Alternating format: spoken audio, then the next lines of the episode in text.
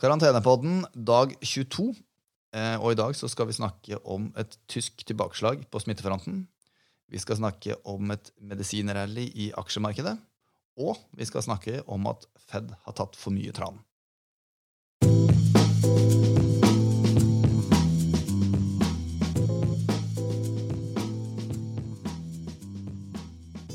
Er du med meg, Christian? Det er jeg. Det her holder jo egentlig ikke mål, for den eh, episoden her, den skulle egentlig vært sluppet i går. den.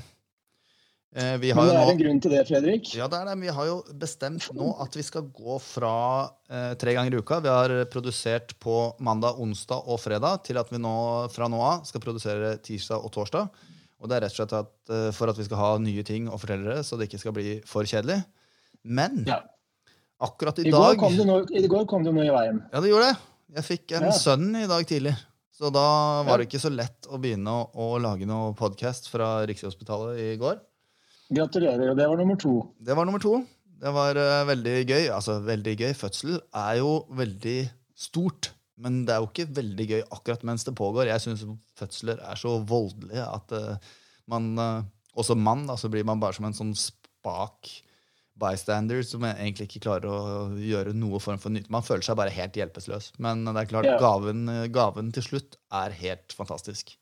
Ja, det er den. Ikke at, ikke at vi menn skal stå i fokus heller, men uh, jeg, har jo, jeg har jo opplevd fødsel tre ganger selv, og den følelsen man ofte får av helsepersonellet altså Helsepersonellet ser jo nærmest på deg som en sånn nødvendig onde, på sett og vis. Da. Men uh, ja. Ja, Nei, det er var- fantastisk å bivåne, men det er som du sier, det er voldelig. Ja, Men det er helt sprøtt faktisk å observere sine ektefeller. Jeg skal jeg være forsiktig og skryte for mye av mine ektefeller her, for det kan jo skape problemer i heimen. Men man tenker liksom Hvor er den personen man altså, observerer eh, i fødestua? Hvor er den personen til vanlig? Som nærmest eh, må ha fatle hvis de sparker borti en stol ved kjøkkenbordet. Men sånn er det i hvert fall ikke på fødestua. eh, ja, det er urkvinnen som, eh, som trer frem, tror jeg. Ja, nei, Det er helt hardcore. Jeg er veldig glad for at vi slipper å føde, Christian. Men over til smittefronten. Hva som har skjedd i Tyskland? Eh, Det som har skjedd er at Det har vært en historie ute om at Tyskland har vært i gang med å åpne opp igjen økonomien. Eh, Og man har sett en del eh, industriaktivitet komme til gang igjen. Man har sett liksom eh, hverdagen sakte, men sikkert komme tilbake. Og så er det historier om at det er en eskalering av smittespredninger, slik at man har vurdert å, stramme til igjen i disse, restriksjonene. Og Hvis denne historien er riktig, og dette på en måte blir et kjennetegn ved andre vestlige økonomier som også skal eh, åpne opp igjen eh, aktiviteten, så er det ingen tvil om at dette kan bli en langt mer bumpy ride eh, fremover enn det markedet kanskje har priset inn, som, vi skal komme litt tilbake til. Men bortsett fra det, så er det en litt sånn ukentlig sesongvariasjon også i disse grusomme dødstallene som vi, som, vi ser. Fordi vi ser gjerne at dødsraten pleier å være bedre i begynnelsen av uken, og så blir det verre ut mot eh, helgen igjen. Eh, Så I løpet av de siste dagene så har vi sett en liten økning, og det kan da skyldes rett og slett en, reaksjon etter denne sesongmessige økningen eh, inn, inn i helgen. Eh, Men bortsett fra det så ligger eh, sjudagstrenden, hvis vi skal det, i antall nye dødsfall eh, eh, den, den er stadig avtagende, og det er veldig positivt. Eh, Likevel så ser vi en økning i Brasil, vi ser en økning i Nigeria. Og hvis vi ser på den amerikanske kurven også, så er det ingen tvil om at ting har stabilisert seg noe med tanke på, på dødsrater osv. Men eh, antallet som blir smittet er stadig økende og nådde en million eh, i går. Og Det betyr at USA alene har rundt en tredjedel av de globale eh, smittetilfellene. Og så er det selvsagt eh, alle mulige grunner til å ta smittetall eh, med, med en eh, god dose eh, salt. Ja, men det skal, Men, ak akkurat der, da. Kristian, siden vi snakker om Tyskland For jeg tok og leste meg litt opp på Tyskland spesielt, ettersom tallene i Tyskland avviker så mye fra Frankrike, Spania og Italia. Eh, særlig i forhold til dødstallet der. Og så tenkte jeg ok, er dette eh, knytta til for liberal bruk av antibiotika og så videre i de sørlige delene av Europa, eller hva er det som er grunnen til det her? Og den grunnen som jeg på en måte Ja. fant mest støtte for, nå, det var at eh, testingen som er gjort i Tyskland, er eh, langt mer utstrakt. og ble starta mye tidligere i Tyskland enn i de øvrige europeiske landene. Noe som selvfølgelig mm. da gjør at ja, de har mange tilfeller, men de har lavere dødsrate. Så hvis det stemmer, i så fall, så er det jo grunn til å tro at det er ganske store og stygge mørketall på antall smittede i de sørligere delene av Europa.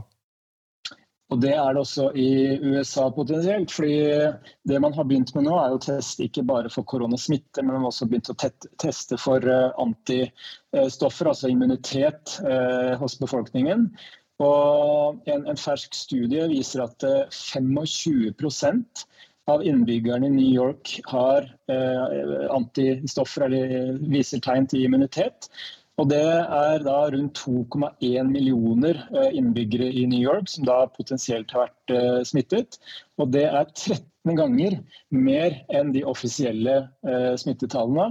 Og betyr at dødsraten i utgangspunktet er en halv prosent fremfor de 7,4 som vi har operert med så langt. Så dette er jo, som du er inne på, ganske eh, høy sannsynlighet for at det er enorme mørketall. Og det kan vi også ha i Norge. Så man kan begynne å lure på om det er utrolig mange som har vært eller har koronasmitte uten symptomer. Ja, ja nei, det, ja, men, men er det ikke noe positivt i det også, egentlig? Jo, det er jo åpenbart. Det positive er jo at dødsraten er langt lavere enn det man kanskje har, uh, har trodd tidligere, og at uh, mange mange flere har uh, smitte uten å få symptomer. Så Det er jo åpenbart positivt. Ja. Men bare en liten sånn kort note også på, på Sverige, som jo er ditt favorittland. Ehm, der ser vi en økning i, antall dødsfall fortsatt, men raten ser ut til å avta noe. Og, veksten i dødsraten er nå under eh, 5 Men eh, forskjellen mot de andre landene er ekstrem fortsatt. Eh, I, I, gjennomsnitt de siste dagene så har Sverige ligget på rundt 80 nye dødsfall per dag, sammenlignet med rundt fem i Danmark og enda mindre i Norge og Finland. Så de er jo i en liga for seg selv fortsatt. Ja, helt klart. Det var 107 i dag, så jeg.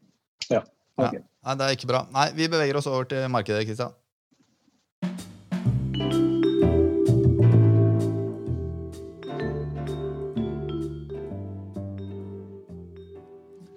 Medisiner, eller, sier du? Ja, eh, det har vært eh, signaler og nyheter ute om eh, at denne remdesivir-medisinen, som vi for en uke, en halv uke siden fikk nyheter om hadde hatt et, et veldig lovende forsøk, bidro til børsrally den gang. Og så kom det et nytt, en ny studie som viste noe annet. Og så har det da kommet en ny eh, undersøkelse nå som tyder på at eh, den har eh, lovende resultater likevel. Eh, og disse tallene kommer da fra, fra bl.a. USA, og de kommer også fra Gilead, også produsenten eh, selv, eh, om at de er veldig optimistiske knyttet til hvordan dette, kan, dette medikamentet kan brukes for behandling av covid-19-symptomer.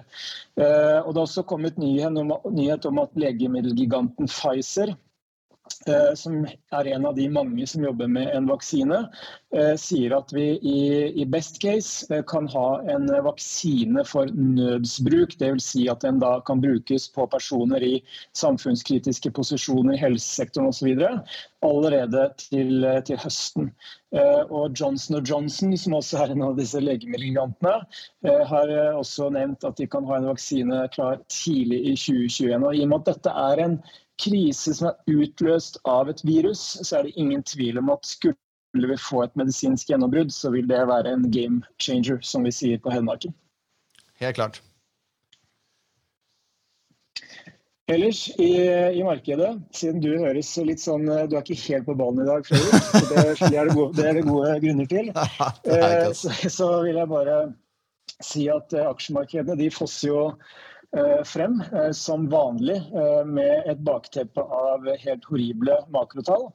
Og Oslo Børs endte opp nesten 2% i dag. Europa 1,7 Og amerikanske aksjer er i øyeblikket opp eh, nesten 3 eh, Og Det skyldes eh, ikke bare disse eh, medisinske gjennombruddene som vi har sett, men det skyldes en eh, gjennomgående forventning om at sentralbanken, som eh, da kommer til å, å, snakke senere i dag, altså den amerikanske sentralbanken nå om ikke så lenge, kommer til å fortsette å gi støtte til økonomien gjennom helt ekstreme eh, tiltak som vi skal komme litt tilbake til i dagens siste eh, post, som går på, på, på policy.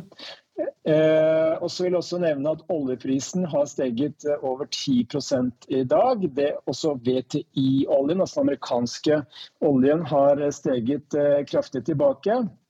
Eh, jeg har ikke sett noen sånne åpenbare forklaringer på hvorfor, men det som skrives er at eh, dette er en forventning om at økonomien er i gang igjen, og at etterspørselsveksten vil tilta eh, gjennom andre halvår. Jeg så eh, Analyseselskapet Fitch var bl.a. ute og snakket om at etterspørselsveksten vil stige, og de tror på en gjennomsnittlig oljepris på 35 dollar eh, i løpet av eh, året. Eh, det er også kommet signaler om at lagerbyggingen i USA ikke har vært så høy som det som har vært fryktet, og at man gradvis de neste månedene vil se noe bedre balanse i, i, i, i markedet. Så det kan være med på å drive oljeprisen noe oppover. Det er ikke veldig lett å forholde seg til fakta altså når det kommer til olje. Det er ikke veldig lett å gjøre seg opp en mening som du faktisk kan holde på i lenger enn tre dager, da, når du skal ha noen formening om hvilken vei vi skal der?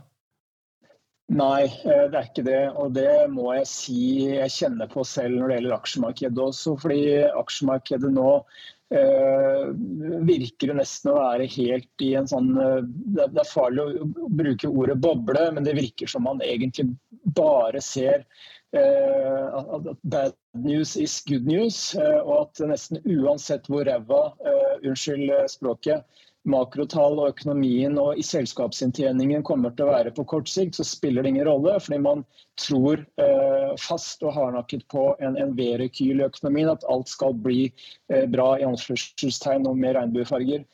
Eh, og, og, da er spørsmålet liksom, hvor realistisk eh, er det her? Fordi vi vet også at eh, viruset, med mindre man får et medisinsk gjennombrudd, og høsten er fortsatt et godt stykke unna, så vil vi kunne se flere episoder av den vi har sett i, i Tyskland.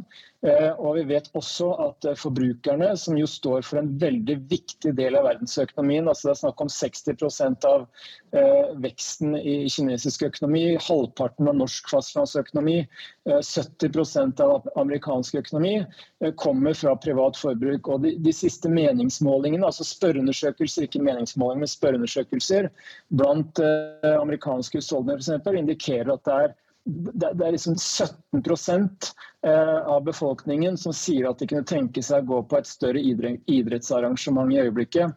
85-86 eh, sier at de ikke kunne tenke seg å fly eller eh, gått på et større arrangement generelt. Og 75% sier at de ikke kunne tenke seg å gå på restaurant eller bar. Så, det er klart at så lenge man ikke har en vaksine, så er det klart adferden, den økonomiske atferden blant husholdninger risikerer å være langt mer varsom eh, en god stund fremover. Og Det betyr alt annet likt en høyere sparerate og en lavere vekst i det private forbruket. Og Det er akkurat det vi ser i Kina også så langt. Ja. Vi beveger oss over til policy, Christian. Ja.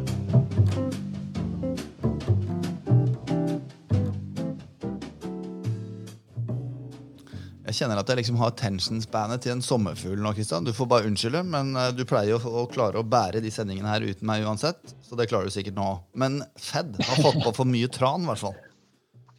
Ja, eh, jeg, jeg, fikk eh, en, en, graf av en kollega i Danske Markets eh, i, i, dag som jeg syns var veldig, veldig, betimelig og veldig beskrivende. fordi Den viser, som jeg la ut på Twitter for ikke så lenge siden, hvordan eh, Fed, den amerikanske sentralbanken, har trykket nå nesten like mye penger på sju uker eh, siden 11.3 og frem til nå, eh, som de gjorde under den første runden med kvantitativ lettelse, som da løp i 104-105 uker.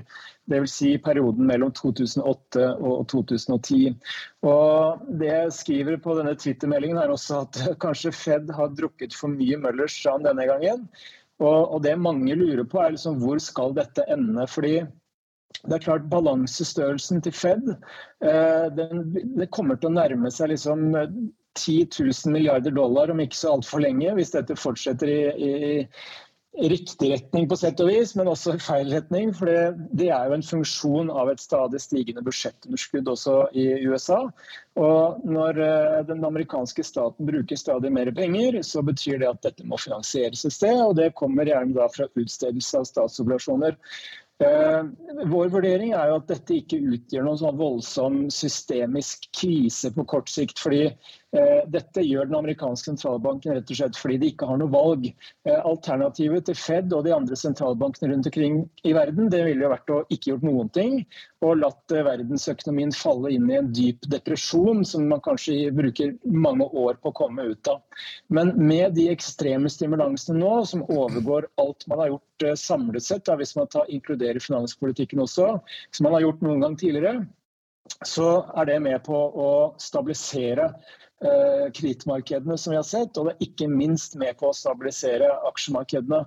Og, og selv om, eh, som jeg også la ut på Twitter tidligere i dag, det er ganske god korrelasjon mellom utviklingen i aksjemarkedet, eller VIX-indeksen for så vidt, og utviklingen i, i smittetilfeller, Eh, så skal vi heller ikke undervurdere betydningen av de ekstreme stimulansene. Fordi når Fed eh, da tilbyr dette sikkerhetsnettet, eller dette sikkerhetsnettet som sentralbankene generelt tilbyr, så er jo det med på å redusere risikoen for økonomien og dermed for aksjemarkedet.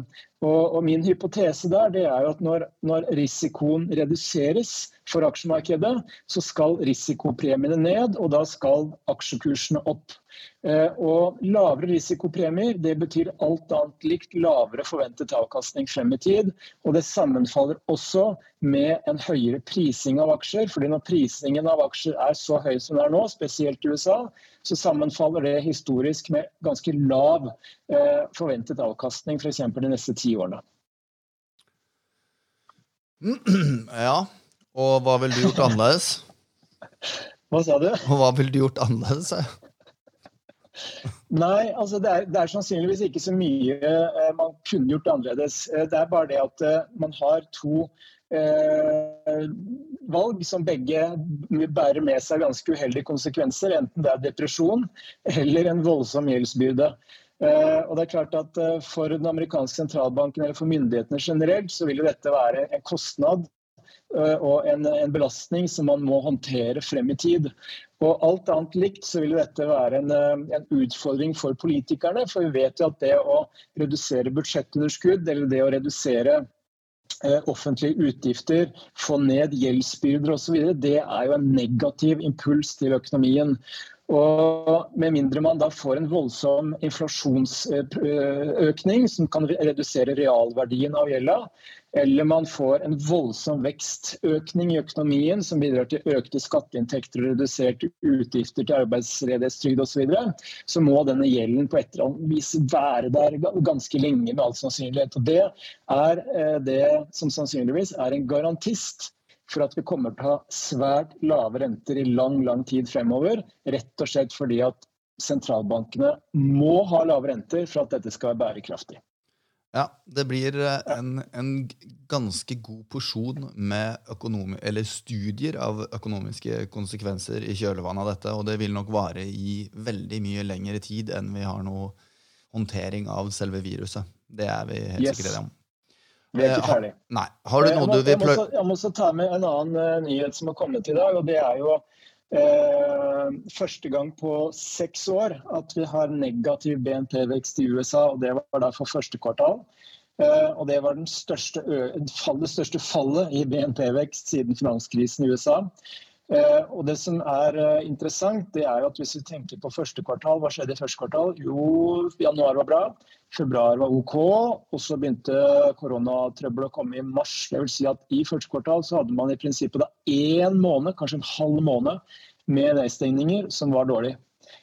Hva skjer i andre kvartal? Ja, det blir spennende. Jo, det blir ganske dårlig. Fordi da får vi med oss eh, april, mai, juni. Og konsensusestimater nå for hvordan tallene kommer til å bli i andre kvartal, det er på nesten minus 30% annualisert vekstrate. Og vi hadde da minus 4,8 nå i første kvartal, og da snakker vi minus 30 i andre kvartal. Og det vil være Jeg har ikke sett på 30-tallet, men det vil være det svakeste i, i, i, moderne tid, i hvert fall. Og det er jo helt, helt klart noe å feire for amerikanske aksjer, som stiger 3% i dag. Jeg kjenner at selv om du kaster svartmaling left, right and center, så er jeg like godt humør allikevel. Så vi bare beveger oss videre. Har du noe som du ønsker å plugge? Eh, jo, eh, jeg har eh, gjort et webinar i dag for, eh, for eh, kunder, investeringskunder i Danske Bank, eh, som jeg også har lagt ut et opptak av på min Twitter-konto. Eh, det som er Fordelen med det webinaret er at det inneholdt veldig mye informasjon. Det som er ulempen er at det tok en time før jeg klarte å bli ferdig. Men det var litt også pga. mange spørsmål, så jeg må ta med det. Men det, det finner man da på min Twitter-konto, som er at liecor på twitter.com. Ja, det er veldig bra. Dere må gå inn der og høre på skravlingen til Christian. Jeg vil også plugge noe i dag, faktisk. Det er jo ikke egentlig, egentlig helt relevant for markedet eller policy eller smitte eller noe som helst. Og det er egentlig en melding til min kone, men det gjelder for så vidt alle eh, damer der ute. Um, oi, oi, jeg, jeg, jeg, har, jeg har stort sett aldri veldig mange problemer med å uttrykke det som jeg mener eller føler. Men den beundringen jeg føler for det som eh, damer går gjennom, og det som du gikk gjennom, jenta mi, i, i, dag når du ga meg min andre sønn, det klarer ikke jeg å beskrive, i hvert fall. Eh, du er den udiskutabelt feteste personen i hele verden, og jeg er sjukt stolt og glad. Så jeg føler at vi kan ende den podkasten her på den uh, upbiten der. Elsker deg, jenta mi. Word.